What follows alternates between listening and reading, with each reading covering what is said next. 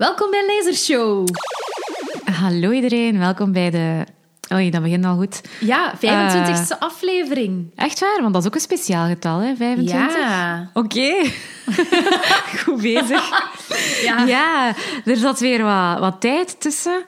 Maar ehm, ja, ik heb COVID gehad, jij hebt COVID gehad. Ja. Dus het was dan quarantaine doen en het was dan paasvakantie. En voilà, er is wat tijd tussen geweest. Inderdaad, het, was, eh, ja, er, het, was altijd, het is heel druk soms. En eh, ja, Zo gaat dat deze dagen. ja. Maar kijk, we zijn terug. We zijn terug, ja. Eh, bij Leven en Welzijn. Inderdaad. En ehm, ja, alles oké, Pauline? Ja, behalve van de, de hooikoorts daar nu opeens. Ja. Allee, daarnet was het niet zo, maar nu heb ik opeens echt zo... Ja, ik heb daarnet zo echt door pollen gewandeld en merk het nu een beetje aan mijn ogen. En heb je, gaat je nu Zyrtec nemen en dan in slaap vallen achter de microfoon? Het komt goed. Ik zal er misschien heel willen wrijven. Ik weet dat je dat niet mocht doen, maar Maar mag dat niet? dat is niet goed. Hè. Je maakt dat alleen maar erger, denk ik. Ja, want er is zoveel deugd. Om te krabben. We gaan, we, gaan, we gaan er niet over praten, want dat wordt alleen maar, alleen maar erger. Dus we hopen ook alles oké met eh, onze luisteraars. Ja, hopelijk hebben jullie geen last van hooikoorts. Inderdaad. Ehm, ja, ehm, dus voor onze 25e aflevering, eigenlijk hebben we daar niet bij stilgestaan. Nee. Het is dus een, een, een, eh, een good old episode. En ehm, ja, we hebben iemand gekozen die misschien nog actueler is eh, geworden eh, door, door de huidige ehm, situatie eh, in, in, in de wereld. Namelijk, ehm, we hebben gekozen voor Lisa Weda. Ik hoop dat ik haar naam correct uitspreek. met het boek Alexandra. Ja. En Lisa Weda is, is geboren in Nederland, maar haar eh, familie is Oekraïens en haar moeder is half Oekraïens. Eh, ja, dat klopt. hè? En de Russisch toch ook? En ook, Ja, is er ook ja. Russisch... eh, zijn eigenlijk... Ja, Ja, daar gaan we straks ja. nog heel op ingaan. Maar ehm, dus, dus het leek... Allee, ik, ik was degene die mocht kiezen. nu. Ja, inderdaad. En ik dacht, ja, in, in, toen we de beslissing namen van eh, dat is misschien wel extra interessant om eens daar eh, meer over te weten te komen met haar boek Alexandra, omdat het ook zich afspeelt in ehm, de regio die gecontesteerd is sinds 2014, Luhansk. Ja. Dus voor de, de, degenen onder jullie die de actualiteit een beetje hebben gevolgd, misschien toen en dan ook nu, eh, is een, ehm, in Oekraïne heb je een aantal regio's waar dat heel wat separatistische, ehm, ja, waar separatistische bewegingen zijn. En dus in 2014 hebben Donetsk en Luhansk, de Donbass, Donbass-regio, zich al officieus afgescheurd, maar dan werden die nog niet erkend, samen met de Krim, die dan Ja. door Rusland is ingenomen. Ja. En dan nu zijn dat ook eh, opnieuw gebieden waar, dat, ja, waar dat de spanningen hoog oplopen. Hè. Ja. Samen met dan de rest van Oekraïne, zeker het oosten van Oekraïne, waar dat... eh, Eigenlijk is het al sinds Ja. 2014 is het daar eigenlijk al onrustig. Hè? In die twee, Ja. ehm, Ja. ja. Lugansk en... ehm, ja. Waart jij, want om even te hebben, gewoon daarover... ehm, zo, stond jij daar nog bij stil de laatste jaren voordat de oorlog in Oekraïne is begonnen, bij zo die, die regio's, dat dat daar nooit echt gestopt is? Mm, nee, maar het is wel zoiets dat altijd... Ja, allee, het is wel iets wat je weet dat dat gaande is. Ehm, maar ja, inderdaad, het is, het is iets waar dat, dat soms een beetje uitgefilterd wordt door andere dingen. Erg genoeg om te zeggen, door andere conflicten rondom ons. Ehm, en nu is dat gewoon keihard op de voorgrond gekomen. Met wat, dat is sinds wanneer is het? februari? Of wacht, hoe lang is het nu al? die Het is oorlog? denk ik sinds eind februari Ja, dat er hè? oorlog is, ja. Ja, en nu is dat opeens helemaal terug op de voorgrond gekomen. Terwijl eigenlijk is die oorlog daar al super lang bezig. Ja. Ehm, ja. Ik ben wel ook... eh, Ja, ik, wou mezelf ook wel zo wat meer informeren. Ik heb ook zo die ehm, Netflix documentaire gekeken over zo de Maidan-revolutie en zo in Oekraïne. Ah ja. Ehm, en ik vond dit boek ook wel interessant om daar dan meer over te, over te, te leren eigenlijk en te weten. Ja, inderdaad. Ja. En dan plus, het is ook ehm, genomineerd voor de Libris Literatuurprijs hè, eh, Ja. op de shortlist. Dus Ja. wie weet eh, wint, wint Lisa Weda Wint de Lisa prijs. Weda, want de, Het zou wel kunnen, hè? de- we nemen op, het is vandaag 7 mei en eh, ik denk op 9 mei wordt de Libris uitgereikt. echt? Dus Ah. waarschijnlijk tegen dat we uitzenden zal het al... eh, zal het duidelijk zijn of dat Lisa Weda heeft gewonnen. Ah ja, spannend. Ehm, ik had eens naar de shortlist gekeken. Uh, maar um, ja, het, kwamen, het stonden niet echt auteurs op die ik al, waar ik al iets van had gelezen, buiten mm. dan nu dit boek. Maar de Mitsu, Mitsukoshi Trust Baby, Baby Company yeah. zou ik ook wel nog willen lezen. Um, leek mij heel interessant. En er is ook een boek, staat ook een boek op dat blijkbaar... Um, het heet Willem die Maddock maakte. Het, gaat, ja, het, zou, het zou ook gaan, denk ik, over de zogezegde schrijver van Reinhard de Vos. de Vos ja. En uh, daarvan werd er gezegd dat het um, u helemaal meeneemt zoals een kind in die ridderverhalen ah, en de ja. middeleeuwen. En dat uh, leek mij ook wel nog uh, heel interessant. Ja. Maar um, ik weet niet of dat er Vlamingen ben nu, ja... Ik weet het ook niet. genomineerd zijn ons niet goed voorbereid. Nee, we zijn niet super... ja, op die Libris uh, ben, ik, uh, ben ik niet... Maar denk het, is, het, niet. Het is wel straf, want het is een, een debuutroman. En ja. dan word je al direct genomineerd voor de Libris Literatuurprijs, die toch wel een, grote, een grote prijs is.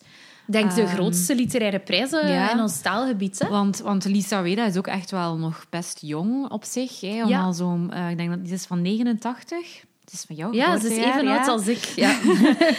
um, dus ja, en het is daar, ze, heeft al, um, ze is eigenlijk zo ook wel um, schrijfster en, en ze is ook bezig met virtual reality en zo, denk ik. Ja, heb je dat eens gezien wat, of gehoord wat dat ze doet? Uh, ik heb een filmpje van haar bekeken dat ze heeft gemaakt uh, over het paleis, waar we het straks misschien ook wel ah, over ja, zullen ja, hebben. Okay. Ja. Want inderdaad... Het, maar het gaat ook weer over Oekraïne. Ja. Dus het is echt zo... Haar, haar roots neemt ze overal wel mee in haar werk. En het is echt iets dat haar bezighoudt, duidelijk. Um, hier opnieuw. Um, ja. ja, inderdaad. Dus dat was mij ook uh, niet, niet eerder bekend. Maar nee, ik denk niet. dat zij wel in Nederland... Inderdaad, ze, also, ik denk dat ze ook wel... Ze, ze werkt onder andere ook voor VPRO-boeken. Um, dus vroeger had VPRO ook een boekenprogramma op televisie... En dan is dat ook die Brommer op Zee geworden. Maar dan Canvas, die, um, dat was eerst een samenwerking met Canvas, denk ja, ik. Maar dan ja. uiteindelijk zijn, was dat hier niet... Sloeg niet aan. Sloeg niet zo aan of zo. Maar dus door dan daarop te googlen, zag ik wel dat die echt een boekenpagina hebben. Ah, en ja. dat zij ook um, een rubriek heeft waar dat ze mensen um, interviewt over boeken die, die uh, niet verloren mogen gaan of zo. Ah, ja. En dan tips vraagt aan uh, anderen. Ah, ja. En um, zij zei ook dat zij geïnspireerd was door Isaac Babel. Dat is een Joodse schrijver um, bij het schrijven van haar uh, roman van Alexandra. Is, maar het is niet... Ah nee, want het, het, het boek begint met twee quotes ook. Eén van Ja. Reizen Waas. Ja. En dan één van Svetlana Alexeyevich. Ja. eh, die blijkbaar de Nobelprijs heeft gewonnen in 2015. Ja. Uh, en dat was wel een, een heel mooie quote, denk ik, omdat het direct ook wel de toon zet. Um, ja, waarin, waarin het eigenlijk zegt van... Het is weer de tijd van de kracht. Russen vechten tegen Oekraïners, tegen hun broeders. Mijn vader was Wit-Rus, mijn moeder Oekraïens. Zo is het bij velen. Een tijd van hoop, wat dat om de jaren negentig was, een tijd van hoop is vervangen door een tijd van vrees. De tijd loopt achterwaarts. Dus het feit dat we... Ja, ik heb echt zo vaak het gevoel dat... dat ja, dat, dat idee dat, dat de geschiedenis ons vooruitbrengt, dat dat helemaal niet is, maar dat ja, echt zo cyclisch is. En allee, ja, ook nu met abortus en zo bijvoorbeeld in de US, dat we gewoon teruggaan in plaats van voorwaarts te gaan. Dus dat is zo absurd eigenlijk. Ja, inderdaad. Um, ik weet ook niet uh, of dat je... Die, die um, Svetlana Alexievich, die heeft ook... Um, die haar boeken bestaan echt uit de getuigenissen van mensen die... ja, uit Rusland of die, die bijvoorbeeld dan de Stalinistische periode hebben meegemaakt of een hongerperiode. Of, en dan gaat, noteert zij dat echt in, in zo, zoals dat het hier staat, in echte stemmen van die mensen. Ah, dus ja. dat, ik heb er al eens een stuk van gelezen van een van haar boeken. Dat, um, ja, dat voelt enorm aan als zo een koor waarin dat allemaal verschillende mensen iets vertellen, Vertellen, en zingen. En dan... Allee, ja, dus het is een beetje een lappendeken van, van verhalen dat je Ah, dan ja. krijgt. Uh, en daarmee dat zij ook, omdat ze, denk dat zij, dat zij de Nobelprijs heeft gekregen, ook in die periode. Want staat het erbij wanneer? Ja, het staat Ah ja, ja, 2015. dat is ook geen. Ik denk dat dat geen toeval is, omdat dat toen ook net de periode was van die eerste Was dat niet met de Krim? Krim-crisis Ja, dat was met de. Krim. Ja. Ja. ja, het is ook wel... ehm, hier ook, we krijgen verschillende verhalen eigenlijk in het boek. Misschien moeten we daar ook iets over zeggen zonder al te veel weg te geven. Mhm. Maar dus voor mij speelt het verhaal zich zo af op verschillende momenten in de, ja, in de tijd en op verschillende niveaus en verschillende personages. Ehm, er is ook een stamboom op het einde van het boek voor de, mensen, ja, voor de mensen die zo ah, verward geraken. Ja, ik had dat ook niet helemaal Ah. door in het begin. Ah, ik omdat ik dat niet had gelezen op de eerste pagina dat dat zo was. Ja, want met die namen is ja. zo Sasha, Anastasia. Nikolai. En er, er zijn zo verschillende mensen die Nikolai noemen. Of Ja. nee, er zijn verschillende die Kolja noemen. Kolja, ja, dus het is zo wel verwarrend. Maar dat is een beetje like dat je als je Tolstoy leest, is dat ook. Hè. Dan, dan zijn er like opeens duizenden mensen die Nikolai noemen. Ja, ja, inderdaad. En die Ja. roepnamen zijn altijd nog helemaal anders Ja, dan... ja, eh, ja, ja. inderdaad. Ja, inderdaad. en Ehm. ik vind het interessant dat je zegt van dat de dingen zich herhalen, omdat dat ook in een, ja, in het, in een, voor, de, voor die familie zo is. Hè, Lisa zelf woont dan in Nederland. Ja.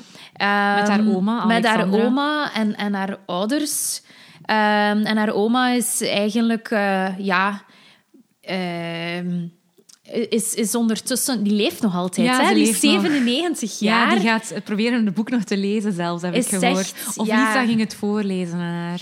Ja, dus, ja, dus ik heb een is- interview gehoord met, Ah, daarover. Ja. Super, ja, want je had gezegd dat dat op Radio 1... Ja, maar het was nog iets anders dat ik heb beluisterd. En wat ik ook niet wist, dus die Lisa Weda, haar oma, dus Alexandra, aan wie dat ze eigenlijk deze roman wijdt, ehm, het is eigenlijk ook echt een soort van ja, liefdesverklaring aan, aan, aan die vrouw, vind ik. En, en proberen zo om bepaalde dingen die in het leven van die oma gebeurd zijn, om die terug recht te zetten, om die terug in contact te brengen met haar papa. Dus eh, dat is dan Lisa's overgrootvader, denk ik.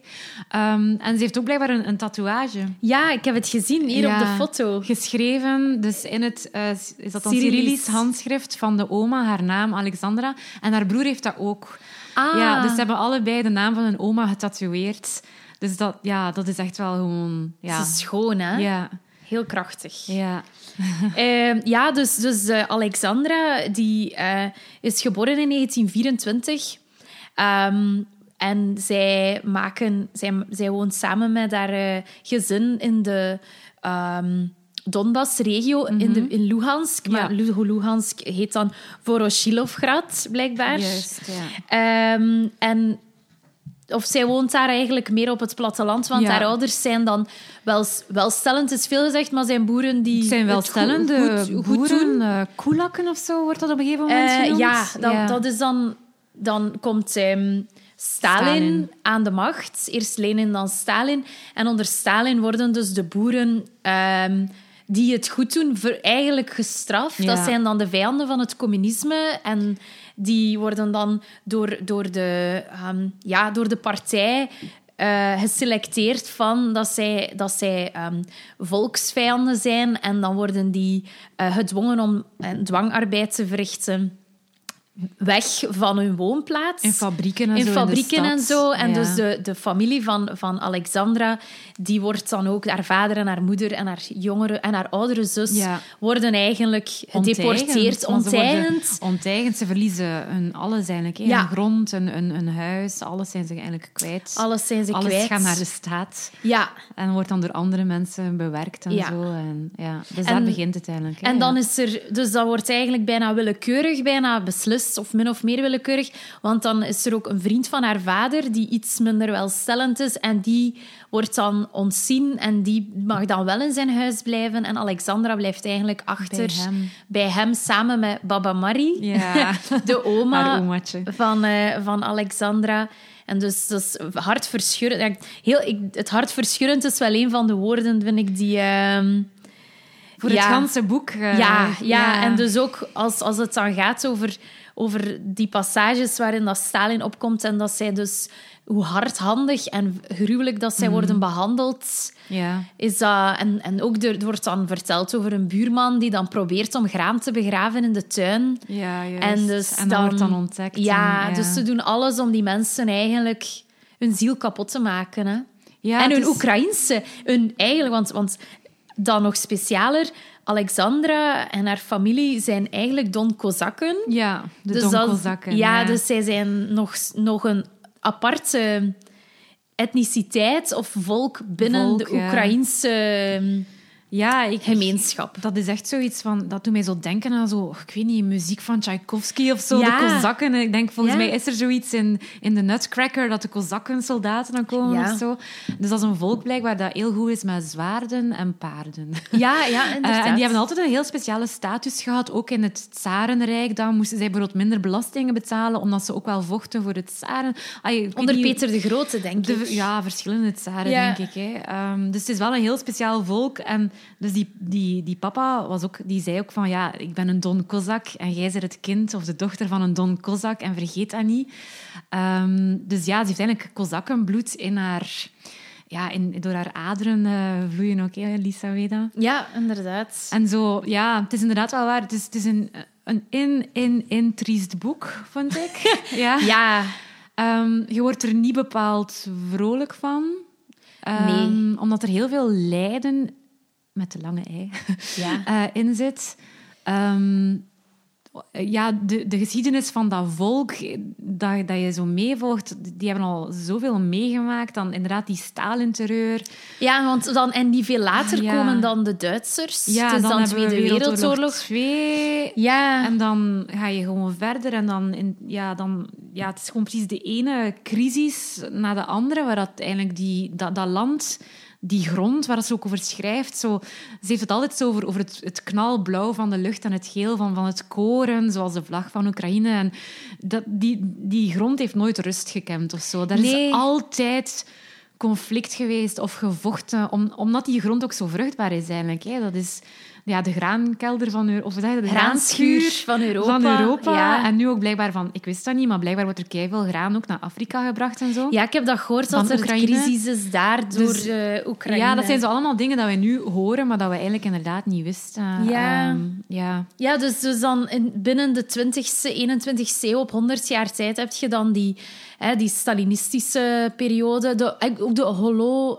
Holodomor, zeg ik het nu of zeg ik het nu fout? Dat is eigenlijk de hongersnood die Stalin Ja. heeft veroorzaakt. ja, ja, inderdaad. Ehm, Ehm, ja. ja. heel veel mensen zijn daar ook in gestorven. Ja, want dan, dan dus, eh, zoals dat de boeren, die dan, de koelakken die rijk waren, werden, eh, werden dan dwangarbeiders, werden andere mensen verplicht om boer te worden. En dan was er een collectivisering, collectivisatie van de landbouw in die kolgoz, kolgozen. Maar dat waren dan vaak mensen die totaal ook niet wisten dat ze de aarde moesten bewerken. En dan wordt dat ook wel beschreven, hoe, hoe dat die boeren gewoon erbij neervallen. Hè? Ja, maar ook gewoon dat het geld dat dan de oogst dan opbrengt, wordt ook gewoon niet teruggebracht naar de mensen of naar het volk, zogezegd. Maar dat wordt dan in van die megalomane projecten en, en architecturale dromen van het, van het Stalinistische Rijk ge- gestoken.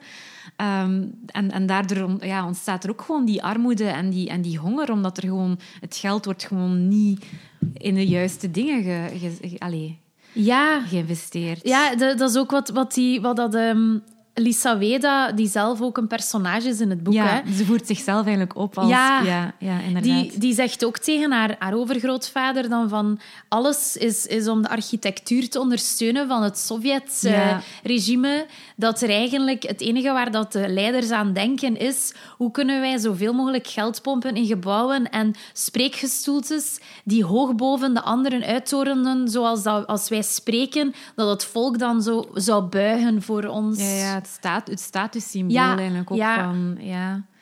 Ehm, wat dat eigenlijk ons brengt bij ja, de, de- paleis. bij het paleis. Dus, Ja. dus het is eigenlijk, het is, er zit een soort magisch realisme in het boek. Hè? Ja. Ehm, Lisa, dus de eerste vijf pagina's van het boek zijn gewoon Ja, je denkt eh, dat je... realistisch. Ja, dat je bijna een reisverslag aan het lezen bent. Want zij gaat... Dus Lisa gaat terug naar, naar Oekraïne en naar die eh, Lugansk ehm, Volksrepubliek. Ehm, en ze moet daar aanschuiven om binnen te mogen, hè, want dat wordt daar gecontroleerd op de grens. En dan, ja, zonder er veel te zeggen van hoe, komt ze opeens terecht in een heel andere omgeving, wat dat dan dat magisch realisme is. Ehm, het volks... Wacht, hé, wat is het? Het paleis van de verloren Don Kozak. Ja, inderdaad. en Ehm, alle hoofdstukken ja. die zich daar afspelen, heten ook En dat zo. is eigenlijk het, het paleis van, van de Sovjets. Ehm, het, het, het had kunnen bestaan, maar het is nooit afgewerkt. Afgewerkt, ja. Dus er bestaan wel zo schetsen van, blijkbaar.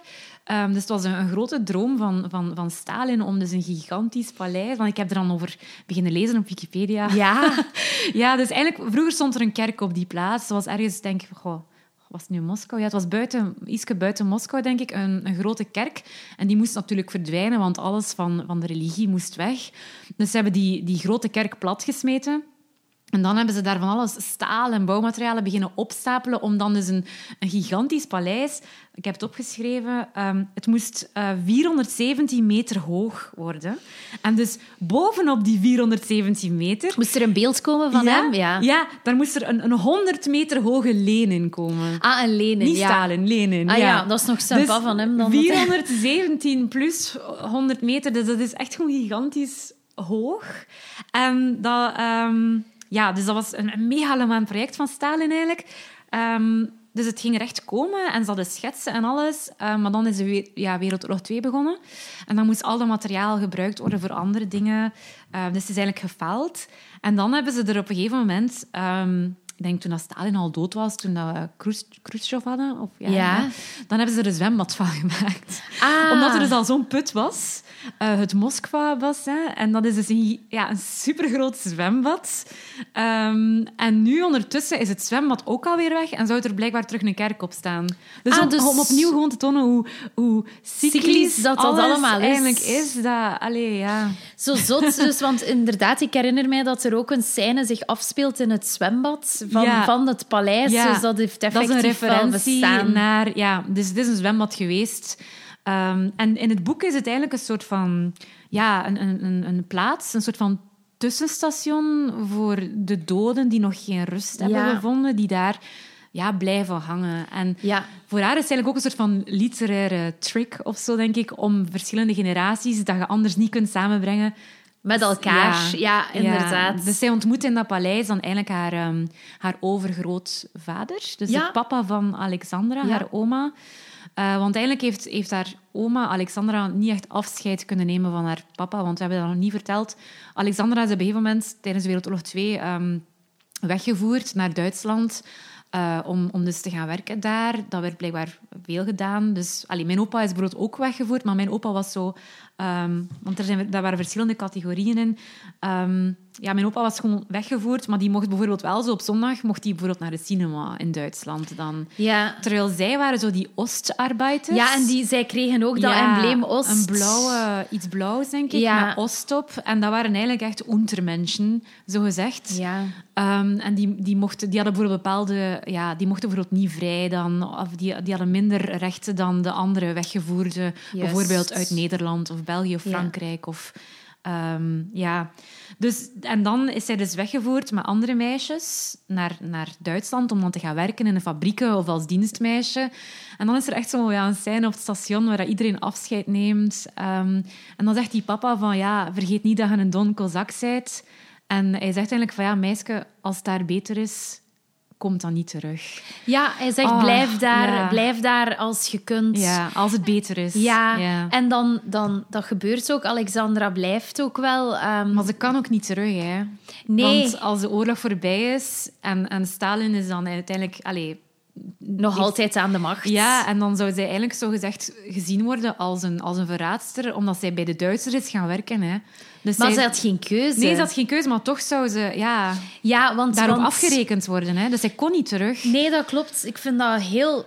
Dat toont heel hard aan hoe, wat voor... ehm, hoe, hoe dat je onmogelijk de juiste keuze kon maken onder Nee. dat regime. Je werd altijd, Altijd verdacht. altijd. ja. En, en er is ook een scène waarin dat, ehm, Alexandra dan in de jaren zeventig terugkeert Ja. naar, naar Oekraïne. Ja. En waar dat ze dus een vrouw ontmoet die ook met haar in het kamp had gezeten. Juist. En dan, ehm, dan vertelt hij ook over dat ze dus... Zij wel teruggekeerd was naar haar moederland. Juist, ja. En dat ze dan... eh, een, een klein kindje had gekregen en meteen naar een strafkamp was gevoerd onder Stalin. Ja. En dat zij dan echt heel veel hebben geleden ook nog. En jarenlang daar hebben moeten overleven in, in, in Siberië of waar dat ook was dan eh, waarschijnlijk. gulag, ja. Dus, ehm, dus die vader, dus, dus inderdaad, Kolja, de overgrootvader van Lisa en de, de vader van Alexandra. Nicolai, hè? Of is Ja, dat of dat ook is Kolja is zijn roepnaam. Ja. Of Nico. Nico. heeft, is, is ook... Dat vind ik heel mooi. Ehm, zoals dat je zegt... Dus het paleis waar dat dan Lisa invalt, zo gezegd. Ja, het is een, het is een soort van Alice in Wonderland val. Ja, hè. ja Opeens in een veld. ja, En dan is in dat paleis... in dat paleis. En in dat paleis gebeuren ook heel vreemde dingen. de mozaïeken bewegen de hele tijd. En er zijn van die grootste schilderijen, van die Sovjet-schilderijen en beelden. Die, die, allee, en dan fotootjes die beginnen vliegen uit een lade. Ja. En ja het is echt heel ehm, ja, magisch eigenlijk. Ehm, Ja. ja. En ze gaat op zoek naar eigenlijk... Ze ontmoet de ene Kolja, ja. zijnde haar overgrootvader. Maar ze is eigenlijk naar Oekraïne gestuurd door Alexandra. Samen met een speciaal soort laken Ja, of een, doek, Waarop dat Alexandra ehm, alle familieleden heeft eh, gestikt. Zo de, de, leven- namen. de levenslijnen. De hè. levenslijnen in rood en zwart, omdat die ook van betekenis zijn voor, voor Kozakken of, of voor de Oekraïners algemeen. Eh, wacht, sorry hoor. Ook al eh hooikoorts. Ehm, en en zij, niemand weet wat er is gebeurd met ehm, de onkel. Met, dus Kolja is Ja. dus een onkel van Lisa. Ja, Want ehm, ik, of, ik, ik moet is eventjes... het een onkel? Wacht, hè. hij, wacht Hij dus- is- Ja, hij is de broer... Nee, wacht. Hè. Hij is de neef van haar mama, denk ik.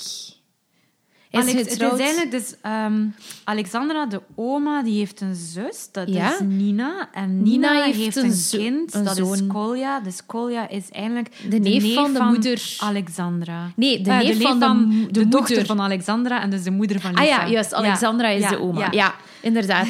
dus, dus, ehm, en, en Lisa wordt erop uitgestuurd, zodat dan het, het laken een soort... Ja, enerzijds dat ze dan dat zouden kunnen vervolledigen, of dat ze dan rust kunnen brengen Ja, bij, de, is- bij, is bij Kolja. Symbolisch eigenlijk. hè. Ze weten niet wat er met die Colia ehm, gebeurd is. Die is op een gegeven moment verdwenen. Eh, maar dat situeert zich dan eigenlijk meer eh, in, in de 2014, 14. hè, ja. Eh, tijdens die burgeroorlogen terug. Ehm, dat hij dus is, ja, hij heeft een winkel met zo equipment, zo materiaal, radiomateriaal en, en alles voor computers. En, en ja, het is, het is allemaal heel triest eigenlijk, maar hij verdwijnt en zijn lichaam wordt niet gevonden tot het dan wel gevonden wordt. Eh, maar ja, daar ga ik niet te veel over zeggen. Eh, maar zij, zij gaat eigenlijk terug met dat doek naar Lugansk om dus eigenlijk haar, haar, ja, om, om Kolja te vinden. Ja. En dus Kolja bevindt zich ook ergens in dat eh, grote paleis eh, waar zij dus eigenlijk ja, terecht is gekomen. Hè? ja, omdat hij dus ook geen rust kan vinden. Ja. Ja. En er was ook dat met die herten. ja. Want op het Dat boek om- ook, ja, op de cover, ja, het is een blauwe cover met de naam Alexandra. En dan staat er zo een, een wit hertje met een pijl in zijn rug. Ja. Een gouden pijl, denk ik. Ehm, en trouwens, haar tweede tatoeage die Lisa gaat zetten, is een hertje. En die Ah. gaat ze, dat gaat ze achter haar oor zetten. Ah, ja, ja, ja. Dus ja. gaat ze, ja. En ook in het boek, eh, iedere keer als er zo een, een stukje, of, of een, Ja. een hoofdstukje, of, of gewoon een, een stukje af is, staat er ook een hertje. En dat is blijkbaar zo'n symbool van de, van de Don Kozakken ook. hè. Ja. En, Ehm, en dan die, zijn, die, die, die blijven, of, of die zijn eigenlijk wat de, de zielen van, van de, de mensen die al overleden zijn, Ja. die dan bij, in moeilijke situaties proberen om ehm, te, er te zijn of hulp te bieden voor, voor de andere donkelzakken. Ja, het zijn, ja, en ook de... Dat gebeurt ook op een gegeven moment als ze praat met, met Nicolai, dat hij dan ook verandert in een hert. Ja, Dus hij dat is- verandert in een hert. Dat is ook weer dat magisch realisme dat je voorouders, of bij een begrafenis dan van een personage, waar ik ook niet te veel over ga zeggen, zijn die herten daar dan ook in de kamer. En je hoort ook de conversaties soms die die herten voeren. Ja, zij zijn ook Ja, vertellers, hè, ja. want soms is er een verteller wij. Voilà. En dat zijn dan die herten die, dan zeggen wat ze zien. Ja, die zijn zo wat ooggetuigen van, van alles dat er zich afspeelt, ook in die, op die omstreden grond. En, en, en ja, die, die familie... Ja, eigenlijk, ze, ze zijn zo de, de vertellers, of de, hoe zeg je dat, de, fa- de family... Ja, de, de chronicler, of hoe zeg je dat, weet al, zo... Ja, chroniqueurs van de, ja. van de, van de familiegeschiedenis eigenlijk. Juist. Eh, en ik denk, die, die pijl in die rug situeert, eh, ja, dat symboliseert volgens mij ook zo'n beetje ja, het, het lijden van, van, die, ja, van, van die streek, van, van dat land, eh, voor een stuk ook. En het, en het niet kunnen, geen rust kunnen vinden. Hè. Dus die personages dwalen eigenlijk rond in dat paleis, ze zweven tussen leven en dood. Ze kunnen niet echt naar de dood gaan. En ja, het is ook allemaal heel visueel voorgesteld, uh, vond ik. Ehm, ja. ja, ik vond het ook uh, um, heel visueel. Uh, hoe, dat, hoe dat ze dan, dan inderdaad ook het paleis omschrijft en ook, ook de, hoe dat die mensen, dan Alexandra's familie dan woont ja. in, die, in die hutten. En dat er dan een icoon aan de muur hangt en, en, en zo die dingen. En die naaimachine van die vader. Ja, dat is jassen, allemaal... van die dikke jassen maakt. Ja. allemaal zo anekdotes en persoonlijke geschiedenis wordt eigenlijk samengeweven. Net als die doek die die oma Ja. maakt. Um, in, in, een, ja, in een boek van toch ja, 300... Ja, ik denk ja, 300... 340 pagina's of zo, hè, toch? Ja, Um, ja, Ja. ik vond het, het, het einde heb ik ook zo... Ja, ze, ze praat dan zo eh, met Kolja en dan, dan zegt hij zo in het paleis van ja... Ze heeft hem dan uiteindelijk gevonden. Ik denk wel dat ik dat mag vertellen. Eh, ik kan u niet oversteken en in een hert veranderen. De grond is zo onrustig. Ik kan er niet op waken zoals onze voorouders bedoeld hebben. Ons stuk land is een breuklijn en we zakken langzaam steeds dieper weg in de aarde. We zitten vast met onze voeten in die zwarte kutgrond. We kunnen niet opzij, niet vooruit, niet achteruit. Dit stuk land is niets gegund. Ja, dit stuk land is niets gegund. En die tristesse zit eigenlijk voor mij in, in heel dat boek. Ehm, het, het- de, de, allee, de grond, het, het land, is, is bijna een personage op zichzelf. Dat, als, als, het, als de grond dan wordt afgepakt door Stalin en van de, van de, van de boeren, dan, dan is het alsof de grond dan merkt dat er iets niet juist is, schrijft op een gegeven moment. Van de grond heeft het door dat er iets aan het gebeuren is, dat hij bewerkt wordt door, door mensen die het niet goed kennen. En dan eerst vlak ervoor of zo, is, dat dan, is alles super vruchtbaar en is er een grote oogst. En ze dan- zo over tomaten en Ja, die tomaten. en zo, en, denk ja, ik. Hè? Ja. En dan daarna is het gedaan met, de- met die oogsten. En, en het is alsof dat de aarde voelde, voelde van dat er verandering op til aan, ja, ik was. ben aan het zien of dat ik het kan vinden, die passage, want het was echt het was mooi geschreven. Ehm, hmm. ik, heb wel, ik heb wel een paar ezelsoortjes gemaakt, zodat ik dingen gemakkelijk ik, zou ehm, terugvinden. Maar...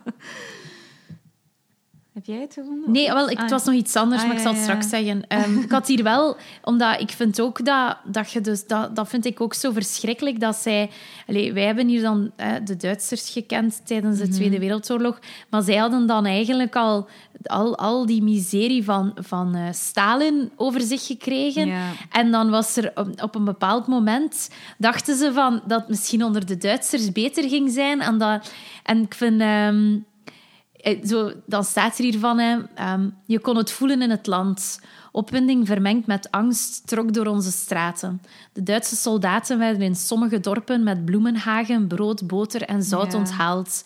Moeders en meisjes omhelzen de jongens die op hun zijspanmotoren de straten binnenkwamen rijden. Sommige oude klanleiders, de starostas, melden zich vrijwillig aan om de boel in de gaten te houden. Op elke deur van hun dorp spijkerden ze een namenlijst, zodat de Duitsers wisten wie waar woonde en hoe oud we waren. We zaten klem tussen twee helse keuzes. Dus eigenlijk, ja, die, gewoon de pest en de cholera Ja. en, en zo, ja, hoe, hoe, hoe leefde dan? Ja, Ja. dat, dat, ik denk dat dat zo'n beetje die tristesse ook is. hè. Dat, ah, die, zwaar, die zwaarmoedigheid ook. Dat, ja. ja, ik vind ook omdat het dan nu ehm, ook wel veel in het nieuws is. Allee, Ja. Ik probeer het ook niet altijd, niet altijd te kijken of zo, niet altijd naar het journaal te kijken. Alhoewel dat Lisa Weda dat heel onnozel vindt van, van ons als Europeanen. Dat we wegkijken. Ja, ja. Zo, ehm, ze vindt dat... Er was nu een interview met haar waar dat ze zei dat ze het zo wat kreeg van heel dat ding nu hier rond zelfzorg en zo. Oh my god, ja. Ik snap dat wel echt. En zij heeft ook dat, dus eh, zij had ook ehm, in de standaard heb je zo'n rubriek, oh, ik weet niet wat de naam is ervan, dat iemand elke, elke dag een column schrijft in de standaardavond. En dan worden soms als die dan zo. hè, soms worden die dan ook in de gewone krant nog geschreven. En deze week had ze geschreven over, dus, ehm, eh, over in Amsterdam, of niet in Amsterdam, in Nederland, was er blijkbaar een probleem met de luchtvaartmaatschappijen. Of, en dat mensen ja, ja, dan problemen hadden met hun vliegticket. En gestrand waren in luchthavens en zo. En dat ze dan de parallel trok met ehm, Mariupol. En over zo ocharmende Nederlanders en hun problemen. En ze was echt, echt hard daarvoor. En terecht ook, dat, ze zo, dat, ze dat, heel, dat ze de Europeanen vaak wat vatzig vindt in hun ehm, zelfgenoegzaamheid. En zo van, wij zijn hier veilig. En, en oh, oei, het is oorlog. Dat hadden we nooit verwacht. Ja, want wie wij denken ja. nooit dat er hier iets nog zal gebeuren. Die had dat nu niet zien aankomen. Ja, en dat zij, uiteindelijk, in, ja. dat, dat zij ook zegt van dat mensen in Oekraïne zich gewoon die houding niet kunnen permitteren. Dat die Ja. heel strijdvaardig zijn. En Dat ik denk, is ook wel, hè. Ja, die, Ja. ik denk ook wel als je dat ziet, hoe dat die zich opstellen. Ja, als je, Kan die, dat hier nog? als je die documentaire bekijkt van de Maidan-revolutie, dat is echt ongelooflijk. Hoe dat die mensen op dat plein zich georganiseerd hadden. Die waren echt gewoon... allee, dat waren, die waren zo strijdbaar en er werd op hen geschoten. Er werd op hun, en dat waren echt vrouwen ook en mannen en, en kinderen zelfs, die echt zo... Ja, ik denk, moest dat in, België gebeuren? Ik bedoel, mensen lopen gewoon weg of die verstoppen zich. Maar ja, die, die strijdbaarheid van... Ja, dat is echt wel heel, ehm, heel frappant. En ik, ja, ik snap ook wel een beetje haar punt, maar ja, ik vind het zo... Allee, ik denk dan zo van... Wegkijken, dat doe ik ook niet, want ik volg wel echt alles op de voet. En ik heb ook wel leerlingen uit Oekraïne. Ehm, dus allee, ik, zorg wel, ik vind eigenlijk wel dat we het moeten weten wat er gebeurt. Ehm, ik krijg ook wel zo'n beetje het scheid van mensen dat zo zeggen van... Ja, wat hij zo zei van zelfzorg. Zo van, ja, het komt toch wel hard binnen. En ik, ik kijk soms naar het kinderjournaal, want dan is dat een beetje rustiger uitgelegd. En ik denk dan zo van, ja, you think it's hard just listening? Ja, Try zo- living in Mariupol. Ja, Allee, right zo, now. zoals dat, ja, lijkt dit boek ook, want Ja. dan zullen er veel mensen zijn. Oh ja, maar ik wil dat niet lezen, want ja. huh." Maar jij moet het enige. Je hebt die luxe dat je dat kunt zeggen. Zij wil Ja. eigenlijk gewoon dat mensen getuigen zijn van haar, van haar verhaal en van het verhaal van. Van Alexandra. ja, en dit is zelfs geschreven nog voor de oorlog. Ja. Voor de oorlog van 2022, dus het is echt frappant. Maar ja, ik denk dat zij zoiets heeft van... Dit, dit conflict dat we nu hebben, dat is gewoon de... Weet je, dat is gewoon het, het, het, het, vat vuur. Terwijl het daar eigenlijk al heel de tijd aan het smeulen was. Die burgeroorlog voor haar, en, en zeker in haar regio, in Lugansk, dat is daar gewoon al, al lang bezig. Maidan, dat is echt niet zo lang geleden. Dus eh, ja, ik denk dat wij inderdaad gewoon zo zelfgenoegzaam zijn. En ook, we hebben zoiets van... En dat is grof, hè, maar dat is, zo, dat is zo Europa, ja, maar het is niet EU. Dus ze zijn ook niet van de, alleen van de NAVO. En allee, ik denk dat mensen zich daar ook allemaal wat achter verstoppen... Ehm, maar je kunt ook niet alles op je schouders dragen, natuurlijk ook niet. Dus ja. Ja, ik vind het ook wel wat een beetje... Ze doen nu zo van die bevragingen bij Vlamingen over Ah, het ja, politieke ja. klimaat. En dan was het ook een bevra Allee, ging het ook over Oekraïne. En dan... Enerzijds zijn mensen bang dat dat tot hier gaat komen en denken zoveel mensen dat er een kernoorlog gaat Ja. uitbarsten. 20% van de mensen dacht dat van Ik de heb daar ook wel al over nagedacht. Ik ga dat niet Ja, ontkennen. ja, ja, ja. Ja, oké. ja, Ja. dat is... eh, maar dan anderzijds is blijkbaar... Wat is een derde van de Vlamingen vindt dat we moeten eh, eh, militairen, militairen sturen naar daar. Ja. Dan denk ik zo... Begrijpen jullie dan ook wat dan de dat dat gevolgen zijn? Dat Ja, betekent ja. dat wij in oorlog gaan met Rusland. En dat betekent ook als NAVO-land dat de NAVO... Dat- dan krijgen wij echt een derde wereldoorlog. En dan dacht ik zo... Is, zijn, zijn nu, heb je dat nu gewoon aangeklikt zonder, Zonder te na te denken? denken. What the fuck? Ja. Ja. Ja, ik was, ik was onlangs op zo'n... eh, zo'n het was ook een soort van een mars in Brussel, eh, voor Oekraïne dan. Het was ook georganiseerd door de, de scouts, van, Oekraïnse scouts of zo. En eh, dus ja, je wandelt dan mee en er zijn overal Oekraïnse vlaggen. En dan stonden we zo op het plein bij de Europese Unie en dan wordt dat, dat volkslied werd opgezet en iedereen was aan aan het zingen. Echt ongelooflijk. Ehm, en dan kwamen er zo mensen naar voren die zo van die speeches deden. En dan zeiden ze van ja, je moet echt de no-fly zone inroepen. En je moet echt zien... hé. Maar dan, dan denk ik ook zo van ja, ik snap dat waarom ze dat willen. Want ja, hun land wordt gewoon kapot gemaakt. Maar dan, dan wordt het conflict gewoon echt opengetrokken naar heel de wereld. En dan... Waar stopt het dan? Dat is juist, ja. Waar, waar, waar stopt het dan? Of, Ja. Ik begrijp ook wel anderzijds dat dat voor Oekraïne dan een helse positie is om zich in te bevinden, omdat zij inderdaad dan de klappen opvangen Ja. voor de rest van de wereld. ja. Ehm, Ja, want ja. we doen wel sancties en we, we sturen wel wapens. En, maar at the end of the day worden er toch nog altijd... allee, vrouwen verkracht ondertussen blijkbaar is gebleken. Worden er allee, gewoon dingen gewoon kapot gemaakt, Ja. kinderen en zo. Ja. Ik vind het... ehm, ja, zo de combinatie. Moet wel zeggen, zo het feit dat dat dan zo heel... Allee, Rudy Franks zit daar en die, die maakt dan reportages. Aan dit dan te lezen vond ik, eh, vond ik het wel... Denk ik dat die twee samen zo, zo het idee van hoe dat het er is nog sterker maken. Ja. Van hoe, erg, hoe ernstig dat is. Want ik vond... Ik, allee, ik, eh, ik vond het heel... Ik, allee, ik heb niet zo gauw dat ik bij het journaal of zo dan echt denk van... Allee, dat ik denk van, dit, dit kan ik echt niet aanzien of zo. Mhm. Maar er worden nu ook in, in Mariupol worden er nu onderzoeken gedaan naar eh, Massagraven, massagraven, ja. misdaden tegen de menselijkheid. Menselijkheid, ja. En, en eh, ik vond, eh, er, er was dan een, een, een moeder van een, een meisje van tien jaar. En die, die moeder, ehm, ze gingen dus dat lichaampje opgraven ook.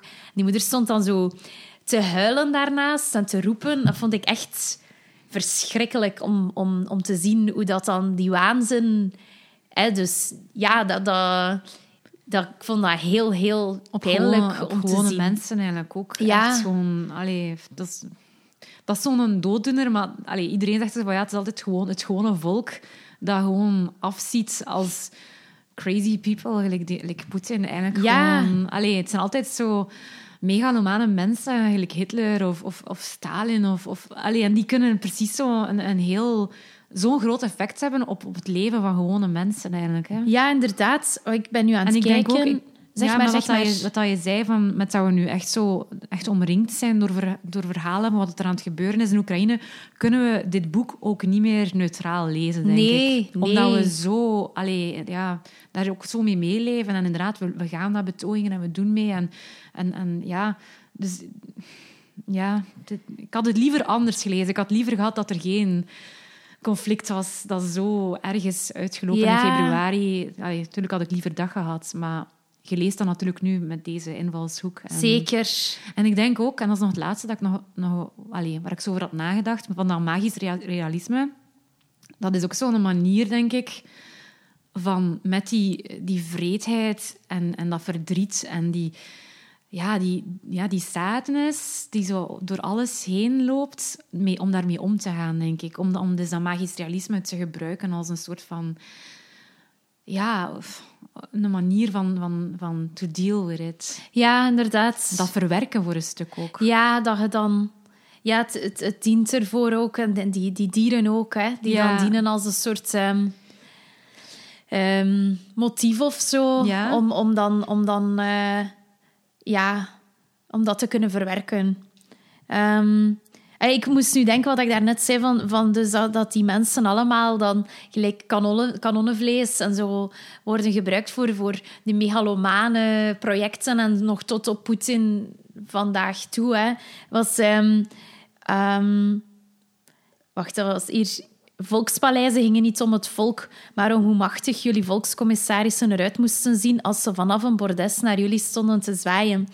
En Lisa zegt, ik heb er gelopen in Moskou. Wat ben ik nog, dacht ik. Een stipje? Ik ben een weg te wuiven vlekje in deze stad. Ik voelde me waardeloos en leeg in die imposante lange straten, op de brede boulevards tussen de gigantische suikertaartgebouwen.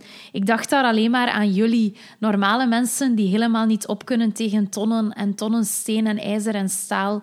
Die werden gewoon maar overal en nergens naartoe verhuisd. Jullie waren in eerste instantie niet het volk. Jullie waren de mankracht voor het mogelijk maken van die architectuur. Ja. En eigenlijk, als je dan ook kijkt naar... Er worden heel veel, heel, heel, heel veel slechte dingen gedaan door de Russische soldaten. Maar beeld je eens in dat jij ook in dat Russisch leger moet, moet zitten en dat jij dan ook eigenlijk mee draait. Ik weet ook niet, ik ben totaal niet thuis in hoe vrij dat mannen in Rusland zijn om die keuze te maken om daar te gaan vechten. Zijt je dan al militair of zijn die nu opgeroepen zoals dat wij in de oorlog werden opgeroepen? Ik weet niet in welke fase dat ze daar zitten, maar... Nee. Ja. Om maar te zeggen, die, die doen... Eigenlijk is dat Poetin zijn... Jesus.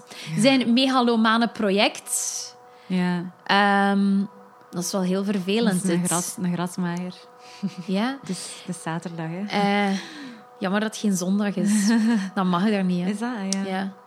Ehm, dat, dat ze eigenlijk in zijn megalomane project allemaal dienen als poppetjes. Want hoe kan die man anders, die een, als president anders nadenken over wat er allemaal gebeurt? Die dissocieert dat volledig van de menselijkheid van, Van dat- zijn, maar ook van zijn eigen onderdaan, hè. dat snap ik ook niet Ja, goed. ja, ja.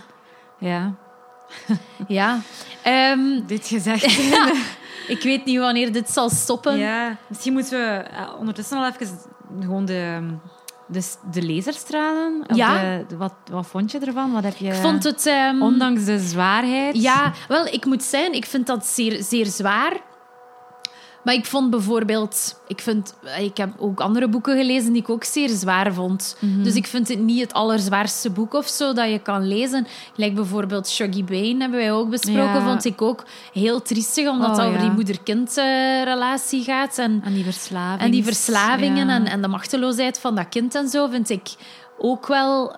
Dus ik vind het wel niet dat je. Dat, het is zeker geen melodrama hier of Nee. zo. Is de, er is heel veel waardigheid die spreekt van, eh, vanuit. eh, Ja. ja. Dus ik zou zeggen, ik geef het. ehm, is al, ja, dat is echt super vervelend. Sorry allemaal. Sorry, luisteraars. Ehm, op, is het op vijf of op Ja, op tien? vijf, denk Oh, ik ik geef het 4,5. Ik vier. Ja. Ja. ja, ook omdat ik dat magisch realisme wel echt graag lees en, en dat dat mij wel zo meepakt eigenlijk. eh. Ja.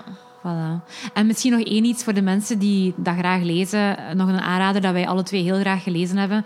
Die ook een beetje in hetzelfde thema zit, is Het Achtste Leven. ja, ik moest er ook van, aan eh, denken. Nino Harac. Ni- Nino, Nino Haratishvili.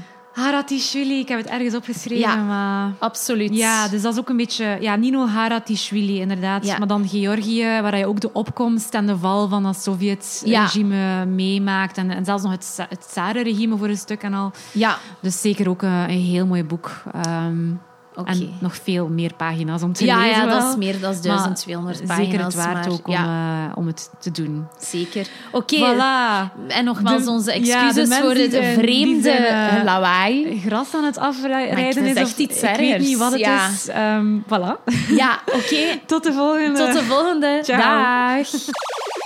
Hallo, luisteraars van Lasershow. Eh, ik heb gekozen voor het boek De Onderspitelver van Thomas Bernard. Omdat het eh, toevallig in mijn herinnering terugkwam. Omdat ik een, eh, een interview hoorde met een biologe op de radio. En zij vertelde dat ze eigenlijk ehm, ja, lange tijd van plan was om eh, verder te bouwen aan een tenniscarrière. Dus ze was eigenlijk al op heel jonge leeftijd begonnen met tennis. Maar dan toch, na, na heel veel oefenen en ehm, ja, toch beseft dat ze eigenlijk nooit het absolute topniveau zou bereiken. En dan toch, denk ik, rond 16 jaar beslist van oké, ik stop ermee. Want eh, uitblinken in tennis, ja, dat, eh, dat wordt het niet. En ik vond het eigenlijk wel heel chic dat hij dat zo jong besefte en al durfde, durfde te beslissen van... Oké, ehm, ondanks dat ik er heel veel heb in geïnvesteerd, ga ik er nu toch mee ophouden. En ja, die, dat gegeven ehm, komt eigenlijk wel, of die thematiek komt wel terug in het boek van Thomas Bernard. Daarin gaat het over drie vrienden die op het conservatorium piano eh, studeren. Maar eigenlijk slechts één van de drie eh, ontplooit zich tot een virtuoos. Terwijl, of was eigenlijk al ook een virtuoos eh, van bij het begin. Wat natuurlijk heel pijnlijk is voor de andere twee. En ja, de hele opzet van het boek is een beetje een onderzoek naar de dynamiek tussen die drie vrienden. Eh, het wordt verteld vanuit de enige overlevende. De andere twee ja, eh, ja, gaan dood. En eh, dat is eigenlijk geen spoiler, want dat wordt al heel snel duidelijk van bij het begin van het boek. Maar het hoofdpersonage stelt zich vragen over ja, wat, wat betekent dat eigenlijk talent? Of wanneer kunnen we spreken van talent? Met allebei komende vragen. Hoe sterk weegt toewijding, toewijding door bij het ontwikkelen van je talenten? Waarom lukt het de ene wel, de andere niet? Ja, kun je nog echt eh, vriendschappen ontwikkelen als je met drie eigenlijk streeft naar ja, het absolute topniveau, waar eigenlijk maar één plaats vrij is? Eh, dus ja, heel, heel, in- heel chic eigenlijk opgebouwd. En, en ehm, ja, heb ik heel sterk van genoten. En tegelijk ja, kan Thomas Bernard dat allemaal zo triviaal voorstellen. Het is soms ook niet complexer dan het feit dat de ene wel de sprankel heeft en de andere niet. Waardoor we al dan niet spreken van natuurtalent. Ehm, het is heel kunstbeschouwelijk en de, de stijl sprak mij ook heel sterk aan. Uh, Thomas Bernard krijgt eigenlijk heel, heel veel lagen in zijn boek. Um, met eigenlijk vrij gebalde stijl. Uh, dus uh, ja, zeker een aanrader.